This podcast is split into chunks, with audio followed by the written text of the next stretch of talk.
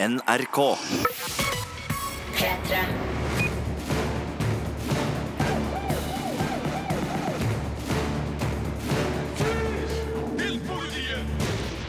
Hjertelig, hjertelig velkommen til en splitter ny utgave av Filmpolitiet. Jeg heter Birger Vestmo og har som vanlig med meg min makker Sigurd Vik. Hallo! God formiddag, Birger. Vi har hatt litt av en uke bak oss, både på kino og foran eh, TV-skjermen. Uh, Sjøl har jeg sett Gringo og The Death of Stalin på kino. Det ene en sort krimkomedie, det andre en politisk satire. Begge er interessante på hver sin måte, men ikke like gode, og mer seinere om det. Du, Sigurd, har sett hva da? Bitch nigga please. Jeg har vært i Atlanta og sett på Donald Glover sin sesong to av Atlanta Jeg kan ikke rappe i hele tatt, Birger. Unnskyld. Uh, Hva- var det forsøk på Nei, det- det var på rapp? Nei, det var jeg, jeg skulle være kulere enn jeg er, liksom. Jeg, jeg skal ikke være kulere enn jeg er. Uh, Atlanta, ja. Kjempefin TV-serie. Sesong to ute denne uka. Har anmeldt det. Har også sett japansk krim på kino. Det tredje mordet. Og så får vi besøk av Remi Horgard, som har sett andre sesongen av serien Legion. Og i tillegg må vi nevne en annen viktig film som har premiere i dag, nemlig A Quiet Place med John Krasinski og Emily Blunt, som vi dessverre ikke fikk tid til å få med i denne sendinga, men som du finner anmeldelsen av på p3.no Filmpolitiet. Filmpolitiet. P3. Filmpolitiet anmelder film. What's going on? I've been kidnapped! I am somewhere in Mexico with a gun to my head. What a fucking crybaby. Harold, I'm just gonna spit this out. El jefe. We sold a little product to the cartels, but when we cut them off, they got a little angry. What the motherfucker? Det var lyd fra Gringo, som er en forholdsvis stjernespekka film. Den har Joel Edgerton, Charlize Theron, David Oyelowo og Charlto Copley i de fire viktigste rollene. Eh, dessverre må jeg si at jeg kjeda meg da jeg så Gringo. Det er aldri en god følelse i en kinosal. Men det er jo en krimkomedie, Birger. Ja, det er det, og den, og den du liker jo krimkomedie. Jeg gjør det, og den prøver jo å bevege seg i et sånn Breaking Bad-lignende landskap, da, med amerikanere som driver på med noe drugs over grensa til Mexico, og så er det noe meksikansk kartell inne i bildet her. Ja, ja, fortsett, og- bitchen, fortsett. Ja, nei, altså, det, det, det skjer ting i den filmen her som ligner ting vi har sett før, og som vi har likt. Men jeg får ikke noe fot for persongalleriet som introduseres eh, forholdsvis langtekkelig og kjedsommelig av eh, regissør Nash Edgerton, som da er broren til den ene hovedrolleinnehaveren her, altså Joel. Ehm, det er da et sett med figurer her som enten er gode eller onde, men de gode er ikke sympatiske nok til å elskes, og de som er onde, de er ikke, de er ikke ferdige nok til å hates. Så det blir sånn mellomsjikt her, da, der jeg ikke får lagt sympatien min verken på den ene eller den andre sida. Og så Hele historien her er ganske omfattende. Jeg skal ikke gå så nøye inn på den her, bortsett fra å si at eh, Harold, spilt av David Oyelowo, ringer sine sjefer i et legemiddelfirma i Chicago, eh, som da er Joel Edgerton og Charlize Theron, sier at han er kidnappa i Mexico av skurker som krever fem millioner dollar i løsepenger. Ehm, så spoler historien litt tilbake i tid, da, der vi følger de tre på en reise til Mexico, og der vi får forhistorien til hvordan hele denne situasjonen har oppstått. Og så ender det med at eh, Joel Edgertons figur ringer sin bror, som er tidligere leiesoldat, eh, nå hjelpearbeider på Haiti, eh, selvfølgelig, til å finne Harold i Mexico. Og det er alt du trenger å, å vite. Og det her kunne ha blitt en morsom film. Og noen vil kanskje påstå at det også er det, men den går ikke langt nok da i den her barske, morbide humoren som det fins tilløp til. Ja, for det her er ikke sånn tulle Det er ikke sånn uh, hjelp, vi er på ferie-type humor. Det er, det er litt sånn uh, mer som Bruce Willis one-liner, barsk humor de prøver på, eller? Nei, kanskje ikke akkurat så barsk humor, men litt mørk, morbid, sort humor, det prøver de å få til, og av og til greier de det. Men uh, det er kjedelig filma. Det er sånn flatt fotografi, og det er eh, scener som du har sett i bedre filmer før, så det er litt sånn repeterende sjangergrep her da, som eh, gjør at Gringo dessverre ikke blir den morsomme filmen som det egentlig så ut til å bli da ut ifra forhåndsmaterialet. Terningkast tre. Filmpolitiet. Filmpolitiet anmelder TV-serie. This is Paperboy, and you're tuned into the Fresh Mix Rap playlist. Long live Fresh. Let's do it again and just like this time like you're at a party and everything's crazy.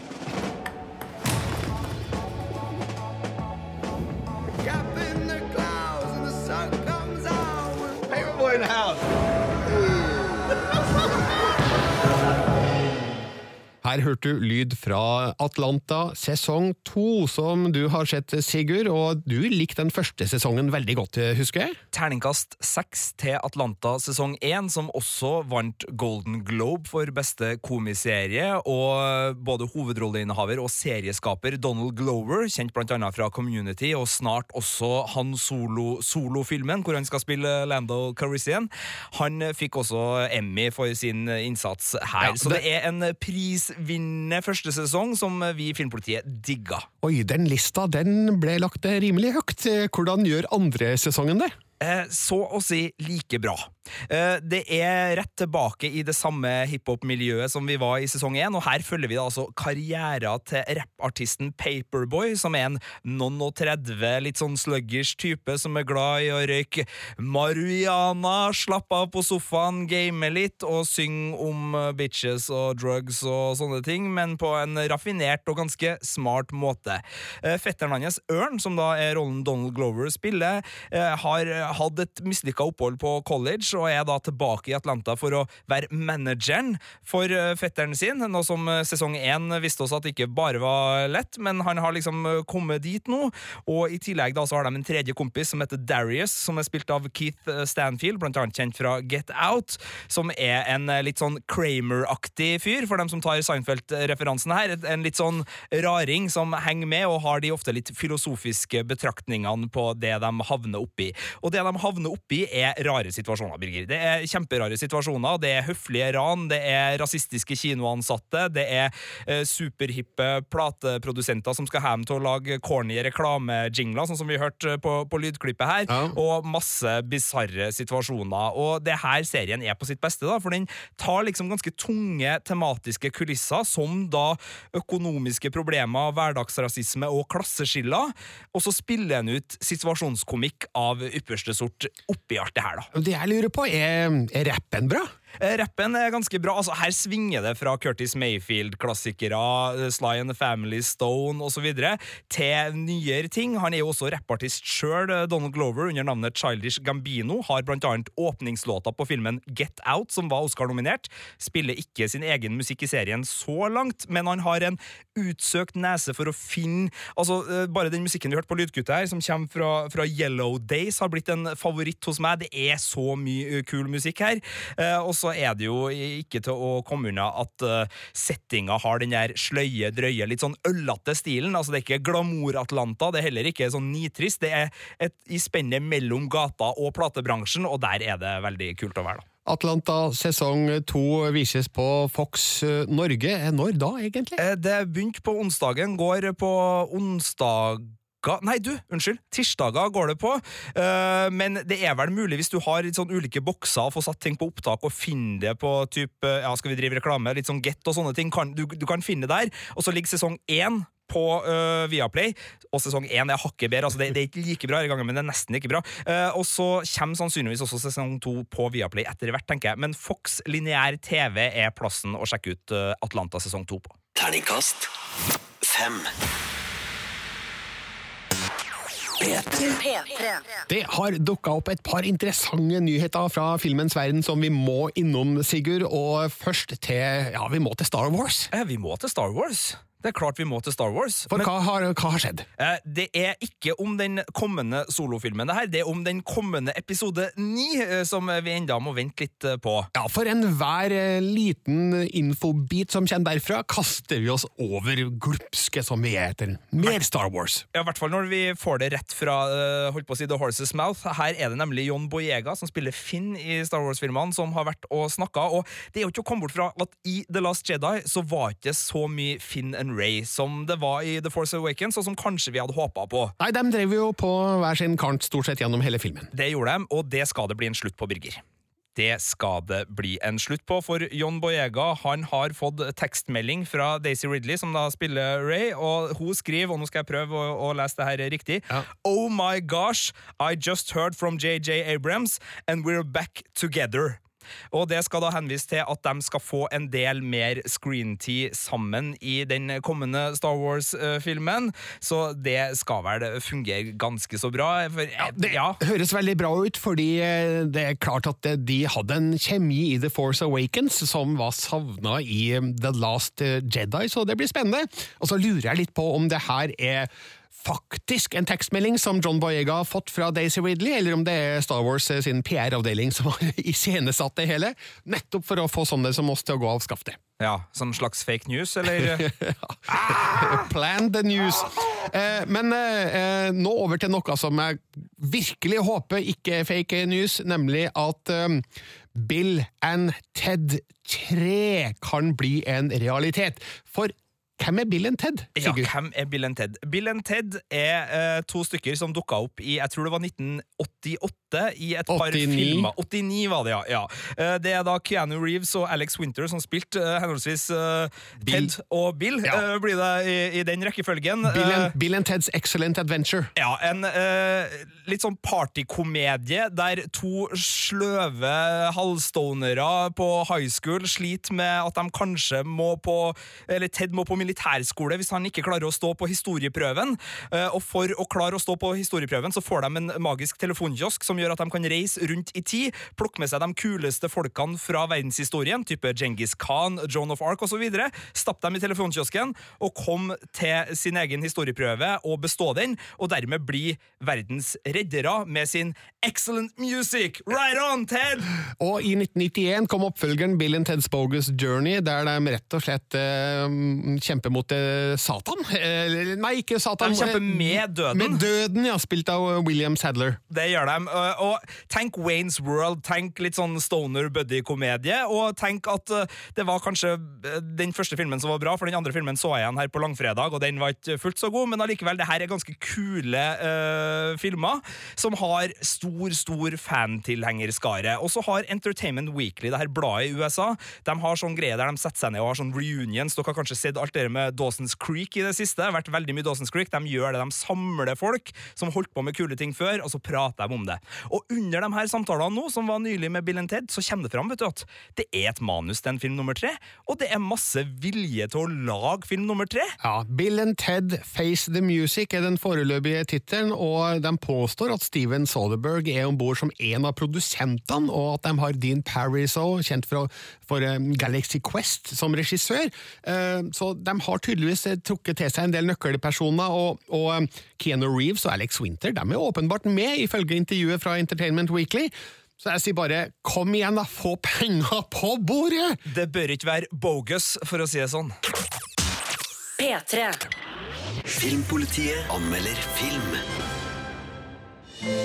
価値にこだわる弁護士と二度目の殺人を犯した男重森さんたちはそうやって解決してるじゃないですか 死刑のことを言ってるのかなほっとけよ言うことコロコロ変わるんだからさ殺したのは奥さんに頼まれたからです私たちは家族を殺されたんですよ Det tredje mordet er altså ukas japanske kinopremiere her i Norge, og du, Sigurd, har sett den?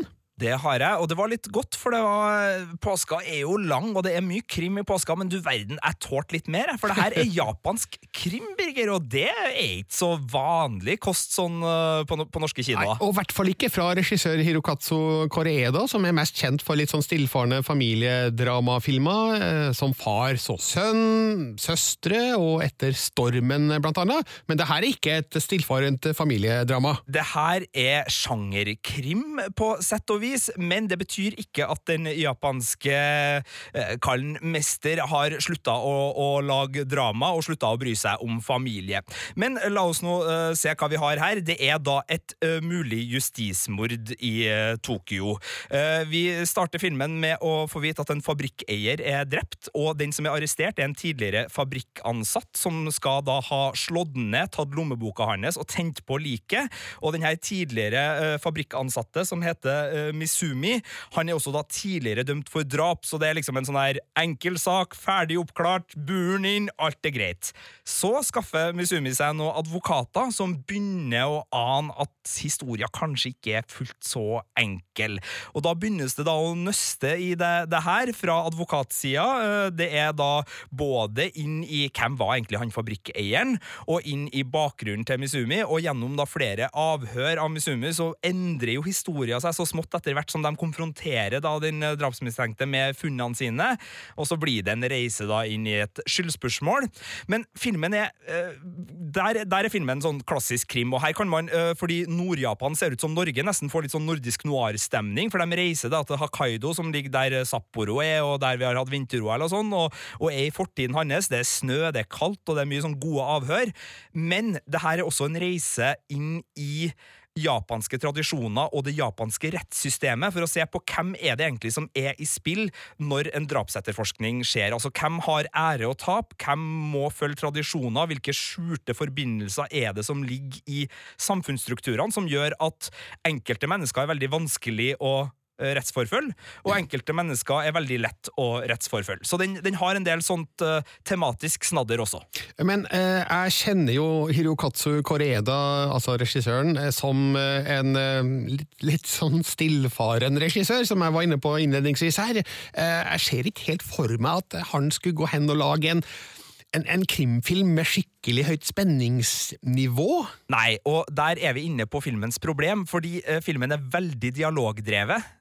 Og den ender opp med å snakke bort mye av spenninga, rett og slett. Eh, altså, eh, Den har et formgrep hvor de her avhørene blir et gjentagelseselement som går gjennom hele filmen. Og uten at jeg skal avsløre noe som helst, så kan jeg bare si at det som starter med veldig sånn magekribling, blir etter hvert en tålmodighetsprøve. Uh, altså som krim, eh, i hvert fall for et skandinavisk publikum som er så vant med uh, krimplotter som vrir seg og tvister seg, og som ligger i det her samme landskapet, så er det her en mye seigere opplevelse, og her kommer også dramafilmregissøren inn, og det blir etter hvert mer og mer rettsdramatikk og en litt sånn poetisk eh, side over det hele, som tar over i filmens siste akt. Veldig vakkert, eh, men kanskje ikke helt det krimfansen forventer av en film som har de her ingrediensene i seg.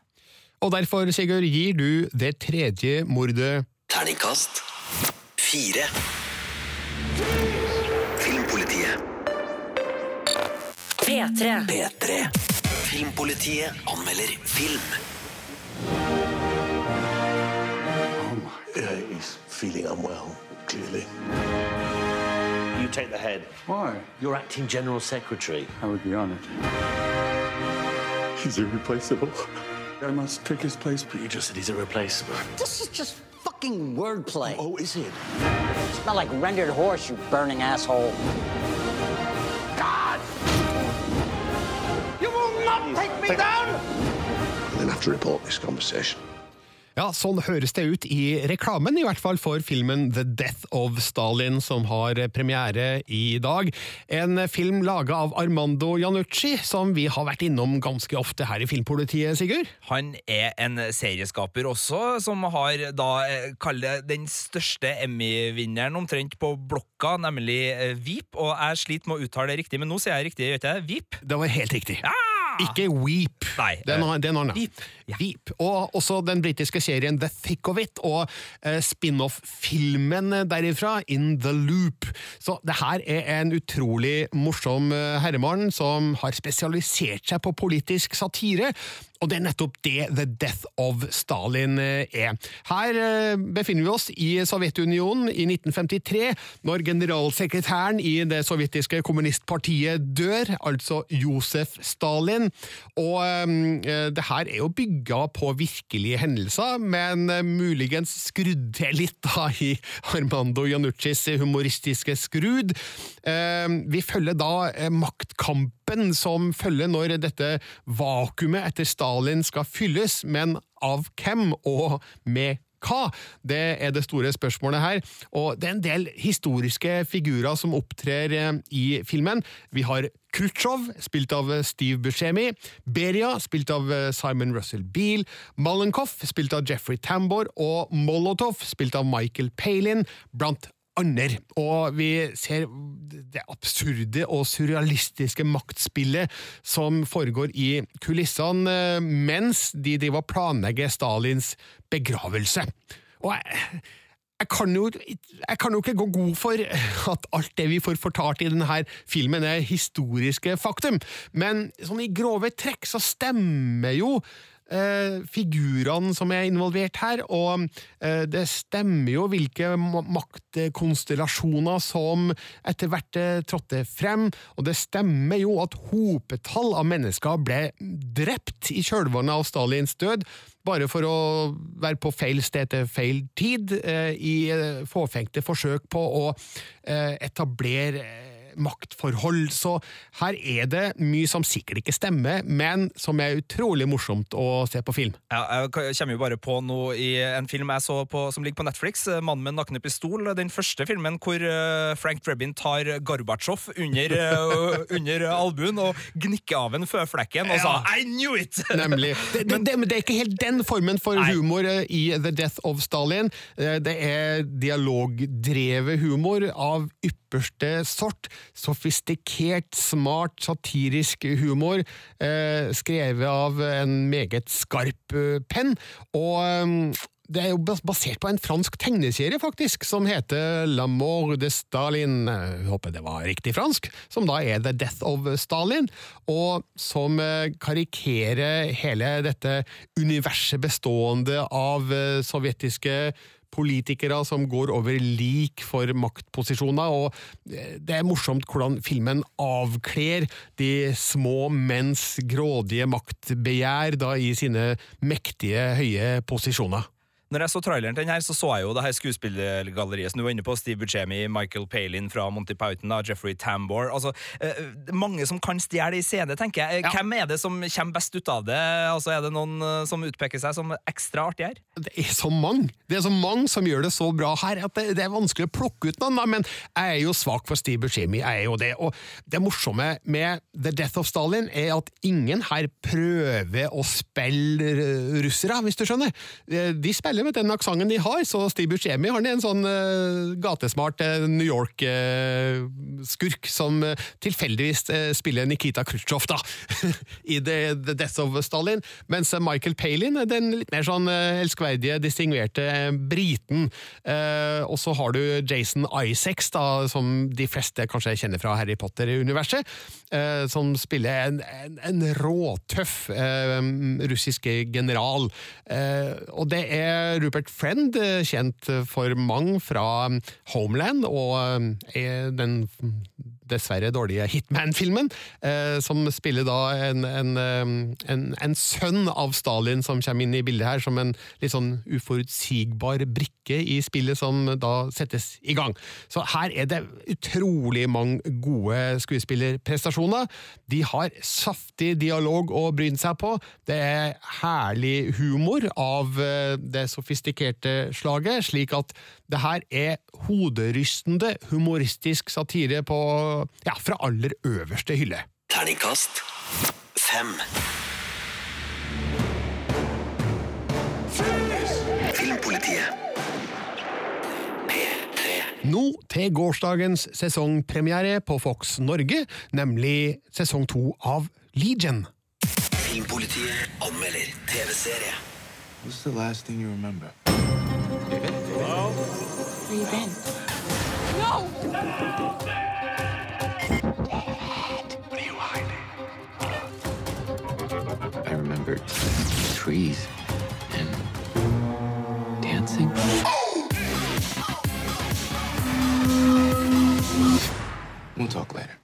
Sesong to av Legion er altså i gang på Fox Norge, og vi har henta inn Remi Horgard for å anmelde den. Velkommen! Takk for det, hei sann! Ja, Nå var det jo sånn at eh, Sigurd her anmeldte sesong én, og den var du fornøyd med? Den fikk terningkast seks fra meg. Dette er Maren som har gitt oss Fargo-serien, og Noah Hawley han imponerte meg kraftig med sesong én av superheltserien Legion. Ja, Remi, kan du bare kort forklare hva Legion går ut på? Legion er en superhelt i X-Men-delen av Marvel-universet. Nå har for øvrig ikke Legion eller X-Men navnene blitt uttalt i det hele tatt i serien så langt, men vi følger da hovedpersonen Legion, også kalt David Haller, som blir spilt av Dan Stevens, som de fleste kjenner fra Downton Abbey. Så det er en litt annen rolle han har her, da. Og han er kanskje den mektigste superhelten i Marvel-universet, vil jeg si. For han kan eh, manipulere verden. Ja. Eh, Og har telepatiske evner i tillegg til det. Ja, Han kan kult. liksom gjøre alt annet. Ja. Eh, og hvordan eh, følger sesong to opp eh, sesong én? Eh, Vi fortsetter litt der vi slapp, på en måte. Det har vært et lite sånn opprom i tid. Det har skjedd et eller annet imellom, vi vet ikke helt hva enda. Eh, Det siste vi så, spoiler for den som ikke har sett sesongen, det siste vi så var at David Haller ble kidnappa av en liten svevende ball. Så vi fortsetter der, da. Hva skjedde egentlig med den? Han ble kidnappa av en liten svevende ball. Det er så herlig, for Jeg tror ikke du får til å spoile det her for dem som ikke har sett det, fordi det gir ikke noe mening. Nei, for det er så psykedelisk og rart og merkelig, at, og det er jo herlig òg, da. Ja, og så det, det fortsetter Jeg syns, syns sesongpremieren av eh, sesong to så langt, for det er den jeg har sett, eh, den fortsetter å være enda mer absurd enn sesong én, vil jeg si. Man fortsetter å eksperimentere, og det gjøres på en sånn veldig sånn herlig vis for Noah Hawley, som eh, har eh, skapt serien, som også har skapt Fargo. Han gjør det her med å fortelle liksom, historien gjennom eh, bare underlig bruk av kameravinkler og animasjonssekvenser, dansescener. Og den aller mest intense scenen i hele sesongpremieren, synes jeg, som sett hele sesongen, den, der kommuniseres det gjennom Pictionary. Så alt gjøres på det veldig sånn kreativt, eksperimentelt Altså et slag, vis. et slag av Pictionary Ikke et slag er av Pictionary akkurat, men, så det ordet Pictionary kanskje er litt misvisende, men det må gjøres med tegninger. Det må gjøres med tegninger og Ah. sånne ting. Da, som, oh. som er en veldig sånn fiffig måte å gjøre ting på, og det blir, blir ikke Det er ikke morsomt, liksom. Det er fullt alvor. Og det Ja. Det er veldig gøy å se.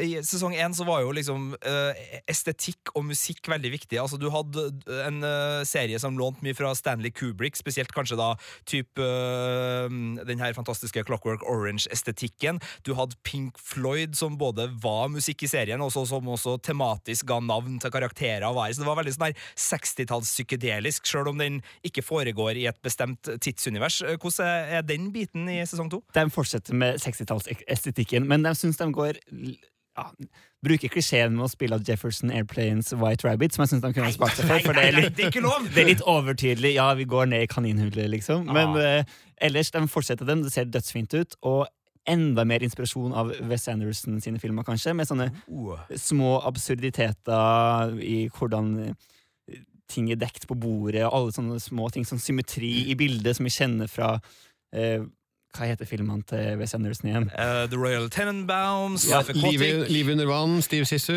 Jeg tenkte på den, egentlig den hotellfilmen. ja. The Grand Budapest Hotel. Den var den, den jeg tenkte på. Der er det veldig mye likheter, syns jeg, i hvordan ting ser ut. Du elsker sesongpremieren av eh, Legion. Eh, kort, hvorfor det? Den er bunnsolid, den fortsetter, fortsetter å eksperimentere, og den fortsetter å prøve å ta superheltsjangeren til et nytt nivå. Og Legion sesong to hadde premiere på Fox Norge i går, og du, Remi Horgard, gir Terningkast seks. Filmpolitiet Jeg heter Birger Vestmo, og sammen med Sigurd Vik eh, skal jeg nå ta en liten titt på et par viktige ting fra film- og seriefronten. Og vi starter med Jurassic World, Sigurd. Det gjør vi, men vi skal ikke snakke om Jurassic World nummer to, Jurassic World Fallen Kingdom, som har premiere nå i sommer. I juni. Gleder oss til den, si. Ja, for eh, den tredje filmen er allerede under planlegging. Den er det, og den har nå fått eh, regissør, og det er veldig hyggelig å kunne annonsere for uh, det gjengse Radio Norge at Colin Trevorrow, som da hadde regi på film nummer én og manus på film nummer to, skal lage film nummer tre. Ja, og det her er hyggelig fordi, ja, for det første så gjorde han en god jobb med den første mm, Jurassic eh, Park-filmen. eh, Jurassic World. Jurassic World-filmen, unnskyld. Eh, og for det andre så hadde han litt trøbbel i fjor med både Star Wars eh, episode 9, som han eh, forlot, og The Book of Henry, som ble en fiasko både blant kritikere og hos eh, publikum. Ja, og da er ikke det sånn at vi syns at fiaskoer skal belønnes med nye oppdrag, nødvendigvis, men jeg tenker at hovedgrunnen til at jeg er begeistra for det her, er fordi det handler om å la folk få lov til å fortsette med arbeidet sitt. Altså la noe leve i de hendene. Det er jo det Star Wars har endt opp med å gjøre, på sett og vis, ved å gå litt bort fra, fra forskjellige regissører til forskjellige filmer. Og jeg har litt sånn Jeg, jeg liker den. Jeg liker at noen har oppsyn med en trilogi. Jeg synes det, det er realt, for da får vi ofte den samme tonen og den samme smaken og et gjennomført, øh, en gjennomført visjon. Så Derfor så syns jeg det er en god idé. Det, det tar jo mange år før vi får nummer tre. Jeg tror det er 2021 som er release-år for, for den tredje Jurassic World-filmen. Og så kan det jo hende at vi har mista interessen hvis Jurassic World Fallen Kingdom, som kommer nå i sommer, er ræva.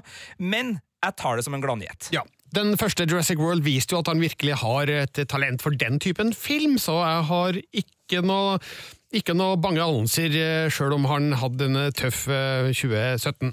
Eh, Vi skal videre til CW, og da må du forklare hva det er for noe, Sigurd. Ja, for det her er en gladnyhet til til alle seriefans der ute. For The CV Network, som vi ikke har her i Norge, men som i USA er en eh, storleverandør av amerikansk tenåringsfeinschmeckeri. Da snakker vi om serier som eh, Pretty Little Liars og The Vampire Diaries. Altså, de er eh, dem som gir ut mest av tenåringsdramaserier som funker.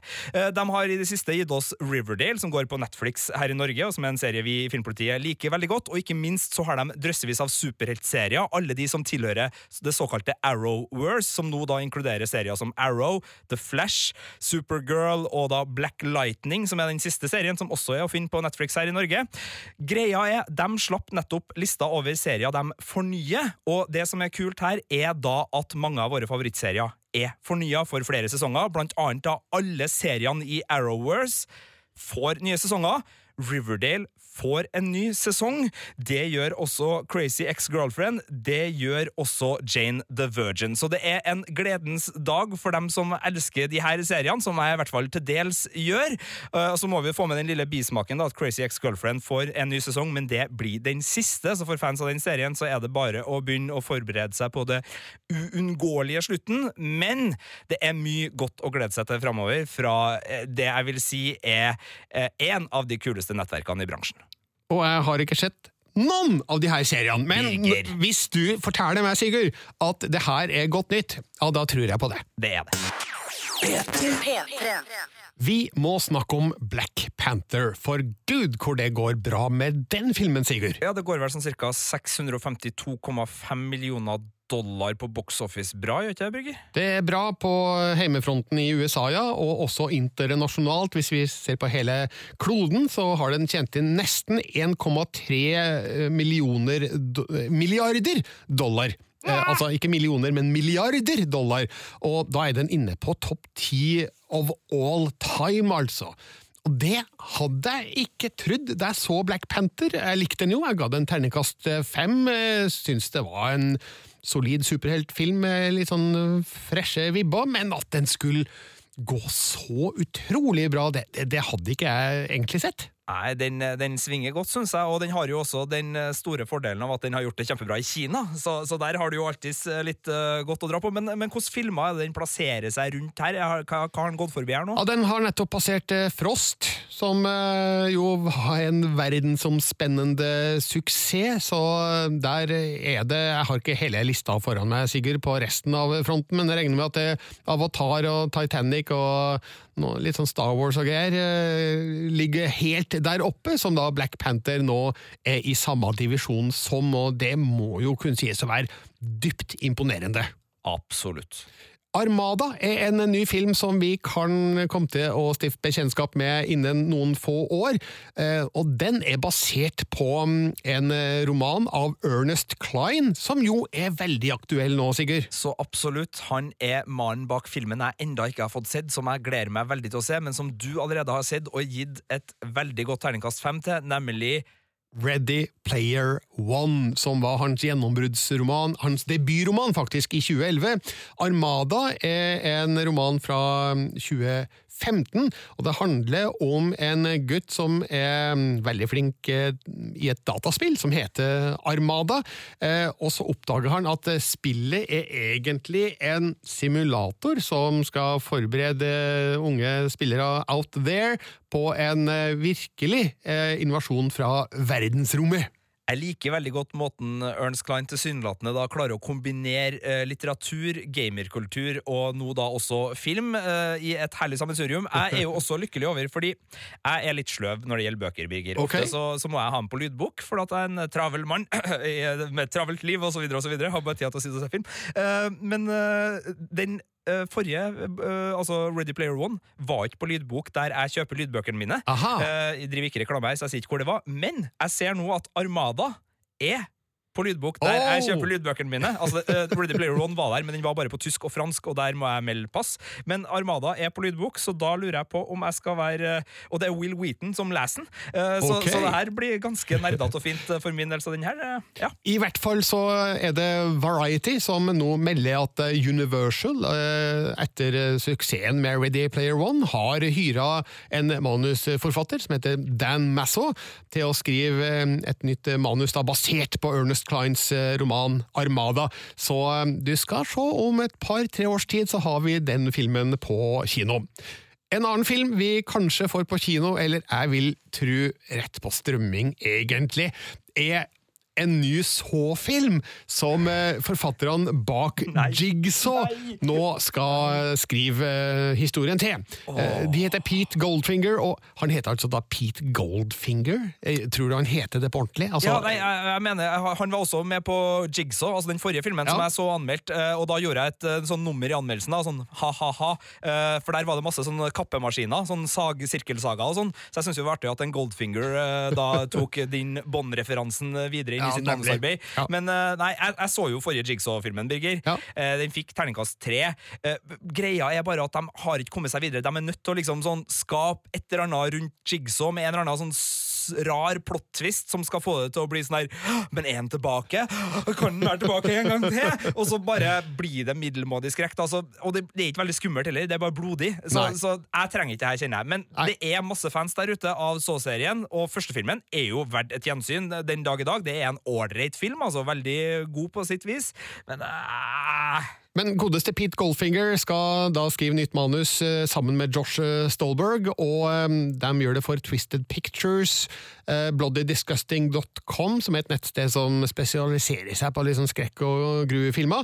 De melder at Jigsaw-regissørene Michael og Peter Spearig ikke kommer til å være aktuelle for den neste Saw-filmen, så vi får se hva det blir. Eh, Og de spekulerer i at det kanskje eh, blir en, en reboot av hele Saw-universet, for den første Saw-filmen, når kom den? Det begynner, 2004, tror jeg. begynner allerede å bli en god stund siden. Så det er en ny generasjon kinogjengere nå som eh, kanskje vil eh, se en ny versjon av Saw-universet. Time Will show, som en eh, kjent norsk eh, eh, dukkefilmfigur eh, en gang sa.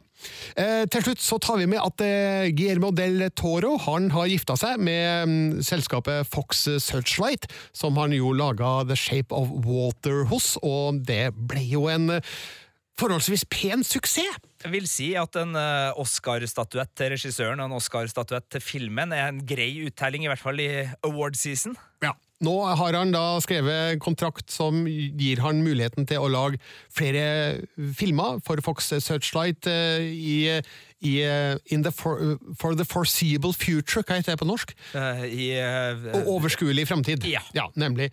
Og han sier da i en pressemelding Jeg må ta det her på engelsk.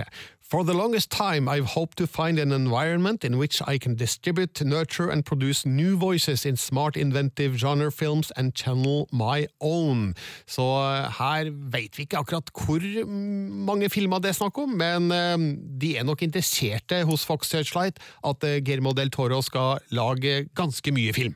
Ja, og nå eh, er jeg litt på tynn is her, men eh, konspirasjonsgenene mine sier jo at eh, Fox har jo blitt kjøpt opp av Disney. Disney driver og bygger seg en strømmetjeneste. Disney vil ha innhold til strømmetjenesten sin. Får kvalitetsserier fra FX, får Marvel, får Lucasfilm, får også litt fra Hulu, muligens, selv om de ikke har gjort noe med det enda.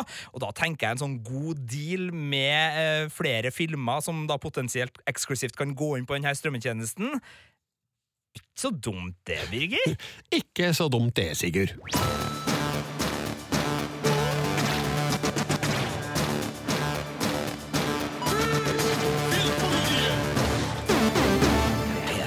Sesong to av Westworld nærmer seg, og det har ikke vi i Filmpolitiet tenkt å la gå stille hen, Sigurd. På ingen måte. Altså, Westworld er vel, sammen med Game of Thrones, de to HBO-seriene vi er mm, holdt på å si, mest glad i når det gjelder fanbiten og fankulturen rundt seriene. Det er utrolig levende verdener som skaper mye engasjement.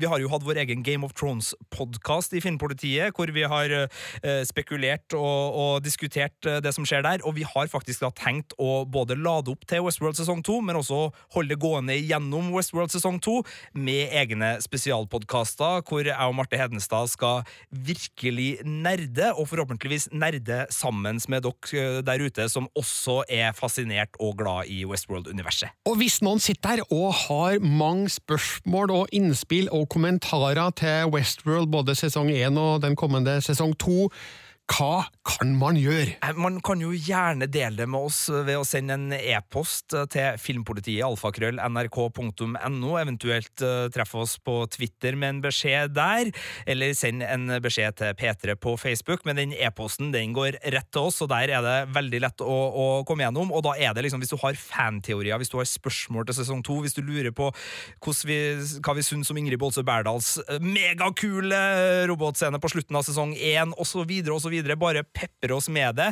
Vi kommer til å komme i gang med en podkast som skal gå før sesongstart, som er 23. april på HBO Nordic, der vi tar for oss det vi vet om sesong to, basert på trailere, fanteorier, spekulasjoner. Og når jeg sier vet, så vet dere at Sannhet med modifikasjoner. men, men kjør på, altså. Er dere som oss, så er det bare å begynne å gire dere opp til Westworld-premieren, for det her kan bli meget artig.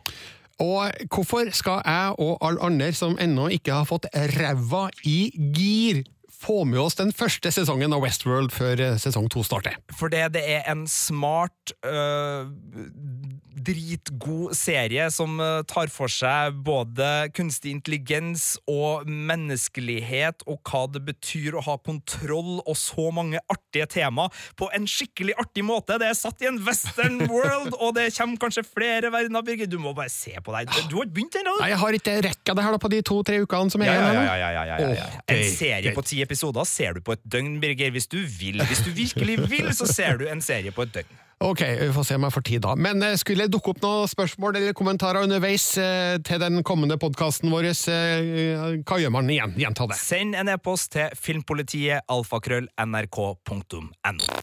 P3. Og da nærmer det seg slutten for dagens Filmpoliti, der vi har anmeldt premierefilmene Gringo, Det tredje mordet og The Death of Stalin, samt eh, andre sesongene av Atlanta og Legion. Men vi har flere anmeldelser på nett, Sigurd. Det har vi. På seriefronten så kan du sjekke ut hva vi syns om TV3-serien Han heter ikke William, som har direkte linker til Skam, folkens. Anmeldelsen vår ligger ute på nett der, og så er det jo et par kinofilmer som også har nettanmeldelser. Ja, det er grøsseren A Quiet Place med John Krasinski og Emily Blunt, og ikke minst av den norske dokumentarfilmen eh, Hatets vugge av Håvard Bustnes. Så gå inn på p3.no Filmpolitiet og få med deg det.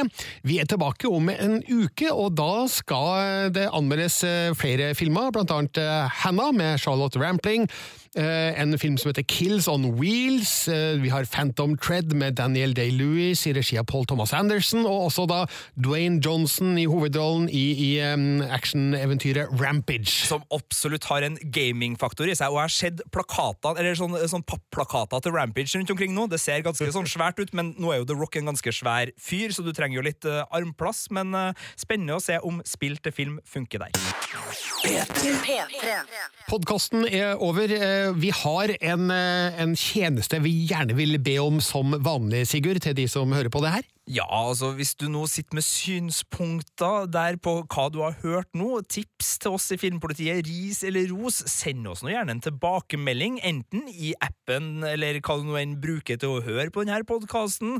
Gi oss en rating der, og, og legg igjen en kommentar, eller send oss en e-post til filmpolitiet alfakrøll nrk.no. Vi tar imot alle tilbakemeldinger. Og Spesielt det med ratings og kommentarer der du finner podkastene dine, er viktig for oss, fordi vi vil gjerne nå ut til enda flere da, med vår Filmens glade budskap, er det du snakker om? nå, Birger? Filmens og seriens eh, glade Ah, budskap. Det det. syns jeg eh, er veldig bra for folk flest, så det her må flere få foten for og oppdage, så gjør gjerne det. Jeg heter Birger Vestmo, og du heter Sigurd Vik. Og tusen takk til deg som har lasta ned og hørt på det her. Vi er tilbake om en ukes tid.